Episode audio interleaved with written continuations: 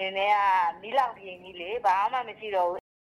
အဲသူရွာသားတွေဝိုင်းဆောက်တယ်ဗျဒီအခုပြောမှဆိုရင်အခုမီးရှို့ခံရတဲ့အိမ်ကလူတွေပေါ့နော်အဲရက်ကောက်ကလူတွေအကုန်လုံးဒါစုပေါင်းပြီးတော့ဒါတူတူဒါဝိုင်းဆောက်တာပေါ့နော်ဝိုင်းဆောက်လို့လည်းကျွန်တော်တို့ဒီလိုမြန်မြန်ပြီးတာပေါ့မြန်မာနိုင်ငံကတခြားဒေသတွေထက်စာရင်စကိုင်းတိုင်းမှာပြိပခတွေကြောင့်စစ်ဘေးရှောင်နေရတဲ့သူတွေကပိုများပါတယ်။တချို့ဒေသတွေမှာဆိုရင်ရွာအတွင်းကိုစစ်ကြောင်းတွေထိုးလို့ ထွက်ပြေးကြရရုံသာမကပဲသူတို့ရဲ့နေအိမ်တွေပါမိရှို့ပြချခံရတာပါ။ မင်္ဂလာပါရှင်မြန်မာနိုင်ငံတဝမ်းမှာရှိတဲ့လူခွင့်ရင်းနဲ့ပတ်သက်တဲ့အကြောင်းအရာတွေကိုတင်ဆက်ပေးနေတဲ့ဒို့အတန်အပတ်စဉ် podcast အစီအစဉ်ကနေကြိုဆိုလိုက်ပါရစေ။ဒီအစီအစဉ်ကို Foundation Heron တဲကတင်ဆက်တာဖြစ်ပါတယ်။ဒီတစ်ပတ်ဆောင်းပါးကို Frontier မြန်မာရဲ့သတင်းတောက်တွေကဆက်လက်တင်ဆက်ပေးသွားမှာပါ။ဆောင်းပါးအတွင်းလုံခြုံရေးအခြေအနေတွေကြောင့်နာမည်တွေကိုပြောင်းလဲအသုံးပြုထားပါတယ်ရှင်။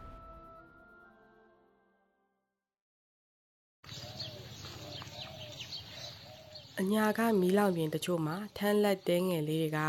အရင်ရှိခဲ့တဲ့အင်ကြီးအိမ်ကောင်းတွေနေရာမှာအစားထိုးနေရယူလာကြပါတယ်။မလလတို့မိသားစုဟာစကိုင်းတိုင်းဒီပရင်မျိုးနယ်တဲကရွာမှာတွတ်မိုးအိမ်ကောင်းကောင်းနဲ့နေခဲ့ကြတာပါ။အဲ့ဒီအိမ်နဲ့ရွာကတခြားအိမ်တွေဟာ2022ခုနှစ်အတွင်းစစ်တပ်ကစစ်ကြောင်းထိုးချိန်မှာမီးရှို့ခဲ့လို့ပြပဲကြံခဲ့ရပါတယ်။ခုတော့သူတို့မိသားစုအရင်ချောင်းနေရာမှာ15ပေပတ်လည်တဲလေးဆောက်ပြီးနေနေရပါတယ်။ ဒါစဝင်တွေကမီးလောင်ပြင်ကြီးလေဘာမှမရှိတော့ဘူးအိမ်မှာ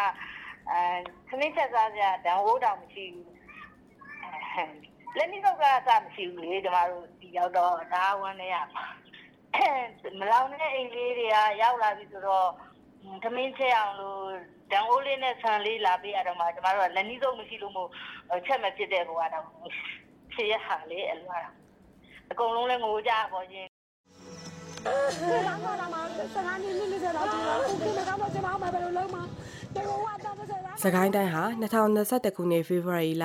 စစ်အုပ်စုအာဏာသိမ်းယူလိုက်ကလေးကမြန်မာစစ်တပ်နဲ့ဒေသခံကာကွယ်ရေးတပ်ဖွဲ့တွေကြားတိုက်ပွဲတွေအကြီးအကျယ်ဖြစ်နေတဲ့နေရာတစ်ခုပါမလလာတို့ရွာကိုလည်းစစ်ကြောင်း6ကြိမ်လောက်ထိုးခဲ့တာပါပထမတော့စစ်ကြောင်းထိုးလိုက်ရင်ထွက်ပြေးကြပြန်ထွက်သွားရင်ကိုယ့်အိမ်ကိုပြန်နေလိုက်ကြနေနေခဲ့ကြတာလို့သူကပြောပြပါဗျ။ဒါပေမဲ့ နောက်ပိုင်းစစ်ကြောင်းထပ်ထိုးလိုက်ချိန်မှာတော့စစ်သားတွေဟာရွာကအိမ်900ကိုမီးရှို့ဖျက်ဆီးခဲ့ပါတော့တယ်။အဲ့ဒီစစ်ကြောင်းကမဆိုးဆိုးကိုလည်းအိမ်ရမဲ့အောင်လုပ်ခဲ့တာပါ။အုတ်ခန့်နှစ်ထပ်အိမ်မှာသူ့ရဲ့သူ့ယောက်ျားနဲ့သားသမီးလေးယောက်တို့နေထိုင်ခဲ့ကြတာဖြစ်ပါတယ်။သူမအတွက်တော့အိမ်တစ်ခုတည်းသာရှုံးခဲ့ရတာမဟုတ်ပါဘူး။အရေးပါတဲ့ပိုင်ဆိုင်မှုပစ္စည်းတွေနဲ့အစားထိုးမရတော့တဲ့အမှတ်တရတွေပါပါသွားခဲ့ရပါပြီ။ ကိုယ်အိမ်ကလို့ပါတချို့နေရာလေးတွေကတော့ကောက်လို့ရတယ်တချို့နေရာကောက်လို့ကိုမရတော့ဘူးဆိုတာကိုနှစ်စိတ်လုံးလုံးထူထားခဲ့တာကိုဒီလိုတော့ဆာမန်ကြုံလေးနဲ့လုံးလေးမဖြစ်ငယ်ဘူးသုံးသုံးကန်းပတ်လေကိုမှရကန်းစင်ရောထားတာဆိုတော့သမီးလေးကလေး၃ယောက်ရှိရဆိုတော့ရကန်းစင်ရောတီးရောဆိုတော့အိမ်ကတော်တော်လေးလည်းကျဲတယ် အတော်ရှာယူလာတော့ပါဝင်နေတာဝင်နေလာရောပြောမပြတတ်အောင်တော့ပါတော့အိမ်ကိုအစပြန်ရှာယူလာဒီသားစုအဲ့လိုမျိုးစုံစုံလေးလေးနဲ့ဟိုဒီလာဦးလို့ကဟာမျိုးတို့ဘောကဟောကလေးတွေနဲ့ကလေးတွေငငယ်တုန်းကရိုက်ထားတဲ့ပုံမျိုးလေးတွေလို့ဆိုတော့ဝင်နေတာပါ အိမ်တွေကပိုင်ဆိုင်မှုတွေပါဆုံးရှုံးလိုက်ရပြီဖြစ်တဲ့မိသားစုနှစ်စုလုံးဟာအသက်ရှင်ရပ်တည်နိုင်ရေးအတွက်ရုန်းကန်နေကြရပါတယ်။ပရာဟိတအဖွဲ့တစ်ခုရဲ့အကူအညီနဲ့အ ਨੇ ဆုံးတော့သူတို့ခြံလေးတွေထဲမှာတဲတလုံးစောင့်နိုင်ခဲ့ကြပါတယ်။ Special and Choice SNC လို့နာမည်ပေးရတဲ့အဲ့ဒီအဖွဲ့ကိုကိုဗစ်ကာလမှာကျန်းမာရေးဆိုင်ရာအကူအညီပေးဖို့စတင်ဖွဲ့စည်းခဲ့တာပါ။အခုတော့သူတို့ဥတီချက်တစ်မျိုးပြောင်းလဲလှုပ်ဆောင်နေရလို့တီထောင်သူကိုစုမိုးအောင်ကပြောပါတယ်။ ဒီတောင်းထိုးထားတဲ့ဒါမီးရှုခံထားတဲ့ဒီပြင်ဘက်ကိုကျွန်တော်တော့အလဲရောက်ရင်းနဲ့ပေါ့နော်အလဲရောက်ရင်းနဲ့တွေ့တော့ဒါအိမ်လေးတွေဒါစောက်ဖို့ဒါကျွန်တော်တို့ဖြစ်သွားပေါ့နော်ဘယ်လိုစောက်ကြမလဲပေါ့တွေးကြတယ်အဲ့ဘက်နေမှာကကျတော့ကျွန်တော်တို့ထပ်မင်းနေပေါ့ရလေဘယ်မှာလဲပေါ့တော့ကျွန်တော်တို့အမိုးအတွက်ကသိပြီးတော့ကုန်ကြသေးသိမရှိဘူးပေါ့နော်အဲနောက်ပြီးတော့ကျွန်တော်တို့ဒီချက်ပင်ကိုလည်းကျွန်တော်တို့ခွဲချမ်းပြီးတော့ပေါ့နော်တိုင် ဖြစ်ဖြစ်ထုတ်ဖြစ်ဖြစ်ရောက်ဖြစ်ဖြစ်ပေါ့နော်အဲ့လိုမျိုးတုံကြတယ်ဝါကြတော့လိုက်တာတော်ရှိတော့လေခုတ်ကြတယ်ပေါ့နော်အဲသူရွာသားတွေဝိုင်းဆောက်တယ်ဗျဒီအခုပြောမှဆိုရင်အခုမီးရှို့ခံရတဲ့အိမ်ကလူတွေပေါ့နော်အဲရက်ကွက်ကလူတွေအကုန်လုံးဒါစူပေါင်းပြီးတော့ဒါတူတူဒါဝိုင်းဆောက်တာပေါ့နော်ဝိုင်းဆောက်လို့လည်းကျွန်တော်တို့ဒီလိုမြန်မြန်ပြီးတာပေါ့သူတို့အဖွဲ့ကဒီပရင်ရွှေဘိုရေဦးနဲ့အရတော်မျိုးနယ်တွေမှာတဲအလုံးပေါင်း900ကျော်ကိုစောက်ပေးခဲ့ပြီးပြီလို့ကိုစမိုးအောင်ကပြောပါတယ်။တဲအလုံးပေါင်း9000 6000တိစောက်ပေးနိုင်ဖို့တော့သူတို့မှန်းထားပါတယ်။ တဲတလုံးကုန်ကြစရိတ်ကငွေကျပ်2သိန်းကနေ9သိန်းလောက်ကုန်ပြီးဒါတွေအားလုံးကပြည်တွင်းနဲ့ပြည်ပရောက်အလူရှင်တွေရဲ့လူဒန်းမှုတွေကရတာပါ။ဒါပေမဲ့လိုအပ်ချက်အားလုံးကိုတော့မဖြည့်နိုင်သေးပါဘူး။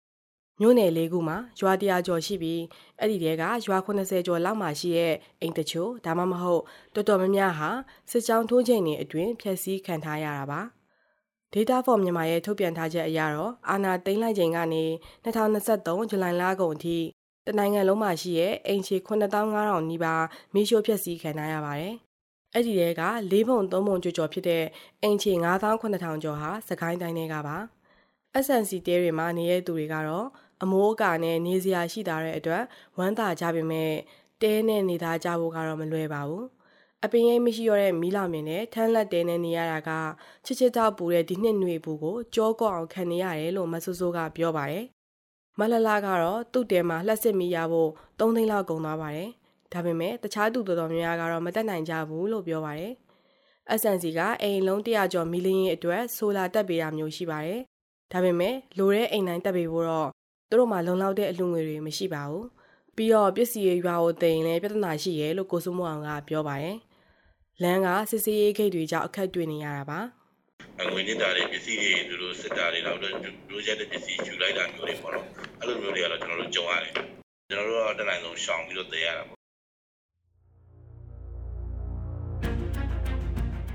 စစ်တပ်ကစစ်ကြောင်းထိုးလာပြီဆိုရင်ရွာသားတွေရဲ့အိမ်တွေနဲ့အတူအတံမွေးဝမ်းကြောင်းအတွက်သုံးနေရတဲ့ပစ္စည်းတွေပါမီးလောင်ပြချခံရပါတယ်။မဆိုးဆိုးရဲ့ရကန်းစင်လိုပေါ့။သူသမီးတွေက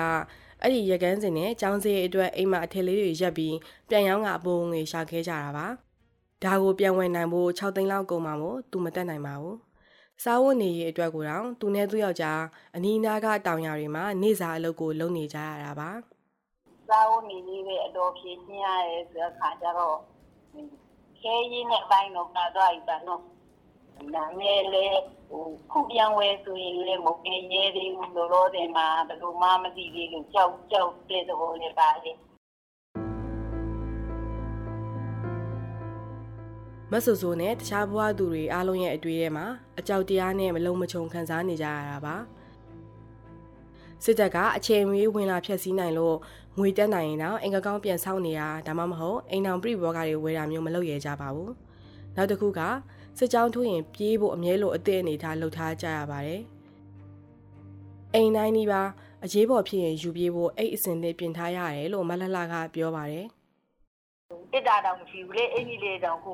မြေစည်းအိတ်လေးတွေပါလေထည့်ထားရလေကျမတို့နယ်ကခဏခဏဘိုးဘက်မရှုပ်ခင်ရတယ်ဒီပြင်သက်တွေလည်းရှုပ်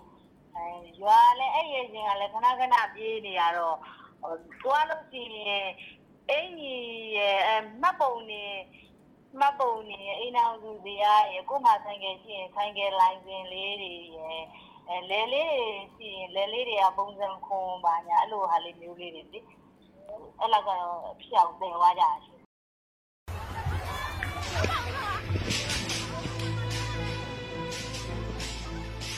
စစ်အာဏာသိမ်းပြီးနောက်ပိုင်းပြည်ပခါတွေကြောင့်လူသိန်းနဲ့ချီနေရဲစွန့်ခွာထွက်ပြေးနေကြရပါတယ်။ UNHCR ရဲ့ခံမှန်းထားချက်အရဇူလိုင်လကုန်အထိလူနှစ်တန်းနီးပါးဟာပြည်တွင်းစစ်ရှောင်နေကြရတာပါ။အဲ့ဒီတွေက40ရာခိုင်နှုန်းကျော်ဖြစ်တဲ့လူပေါင်း8သိန်းကျော်ဟာစကိုင်းတိုင်းကဖြစ်ပါတယ်။ပြည်ပခတွေကြားမှာပြည်သူတွေဟာကာလာတူရောကာလာရှိပါထွက်ပြေးတင်းရှောင်နေကြရတာပါ။မလလနဲ့မဆူဆိုးတို့လိုပါ။တခါစကိုင်းတိုင်းဟာလူသားချင်းစာနာထောက်ထားမှုအကူအညီတွေရောက်ဖို့အခက်အခဲဆုံးဒေသတစ်ခုဖြစ်နေပါတယ်။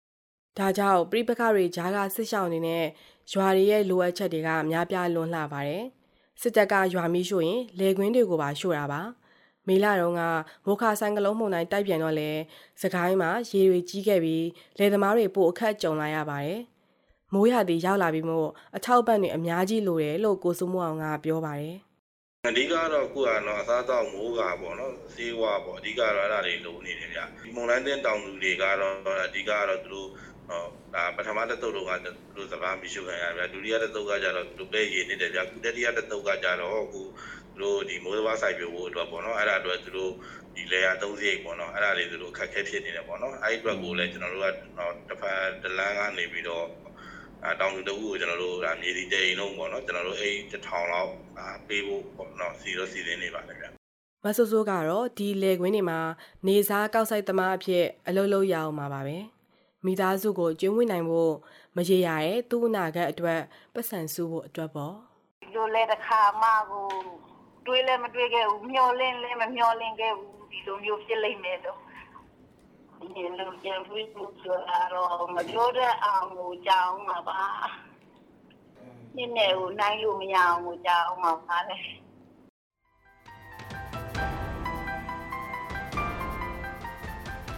အခုတင်ဆက်ပေးခဲ့တဲ့အစီအစဉ်ကိုနားဆင်ကြရလို့ကျင်းနေမယ်လို့ဒိုးအတန်ဖွဲ့သားတွေကမျှော်လင့်ပါတယ်။ဒိုးအတန်အတန်လွှင့်အစီအစဉ်ကို Frontier မြန်မာရဲ့ website နဲ့ Facebook စာမျက်နှာတွေအပြင်ဒိုးအတန်ရဲ့ Facebook စာမျက်နှာ SoundCloud, YouTube, iTunes တို့ကနေလည်းဝင်ရောက်နားဆင်နိုင်မှာဖြစ်တယ်လို့ VOA ကထုတ်လွှင့်တဲ့ရေဒီယိုအစီအစဉ်မှာလည်းစနေနေ့ည9:00နာရီကနေ10:00နာရီတွင်းနဲ့တနင်္ဂနွေနေ့မနက်6:00နာရီကနေ9:00နာရီတွင်းမှာလည်းနားဆင်နိုင်ပါတယ်။ဒီအစီအစဉ်ကိုအလှရှင်တွေကဗန်မိုးကူညီထားပြီး Frontier မြန်မာနဲ့ Foundation Heron Zero ကဥပေါင်းတင်ဆက်ထားတာဖြစ်ပါတယ်။ဒို့အတန်အစီအစဉ်ကိုနားဆင်ပေးတဲ့အတွက်ကျေးဇူးတင်ပါတယ်ရှင်။